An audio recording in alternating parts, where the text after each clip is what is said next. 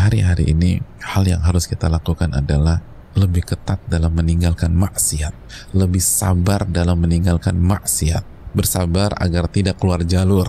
Berarti bersabar itu ibadah dan ingat pahala sabar bigoiri hisab tanpa limit, tanpa batas. Maka di hari-hari ini bersabarlah agar tidak maksiat. Baik maksiat zahir maupun maksiat hati. Nggak ikhlas, nggak ridho kepada takdir. Ulama kita itu hadirin Allah muliakan itu benar-benar berusaha untuk tidak bermaksiat di 10 hari ini.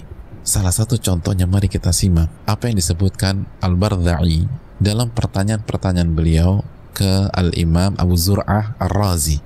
Beliau bertanya tentang sebuah hadis. Hadis ini berbicara tentang sifat Nabi SAW di 10 hari pertama Dhul Hijjah. Ternyata Abu Zur'ah Ar-Razi enggan untuk menyampaikan dan membacakan hadis tersebut kepada beliau karena dalam hal tersebut ada ucapan yang saya khawatir ucapan tersebut tidak sahih atau tidak valid. Dan ketika aku rayu, ayo dong sampein dong, tolong sampein. Bisa begitu ya kalau bahasa kita sekarang.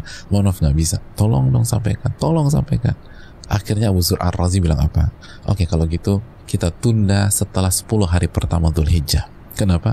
Karena aku nggak suka membahas hal-hal seperti ini di 10 hari pertama Dhul Hijjah. Allahu Akbar takut dosa, takut salah. Padahal ini enggak. Ini bahas hadis Nabi SAW. Ini bukan gibah, ini bukan namimah, ini bukan ngomongin orang, ini bukan buka aib orang, ini bukan jelek-jelekin orang. Pada dasarnya nggak ada masalah. Tapi saking waraknya mereka, saking mengagungkannya 10 hari pertama Dhul Hijjah. Subhanallah. Sedangkan kita ngomongin orang gampang di hari-hari ini. Bicarakan aib orang gampang. Mencela enak. Subhanallah. Itulah perbedaan iman kita dengan mereka. Semoga Allah menjaga kita dan memaafkan kita dan memaafkan seluruh kaum muslimin.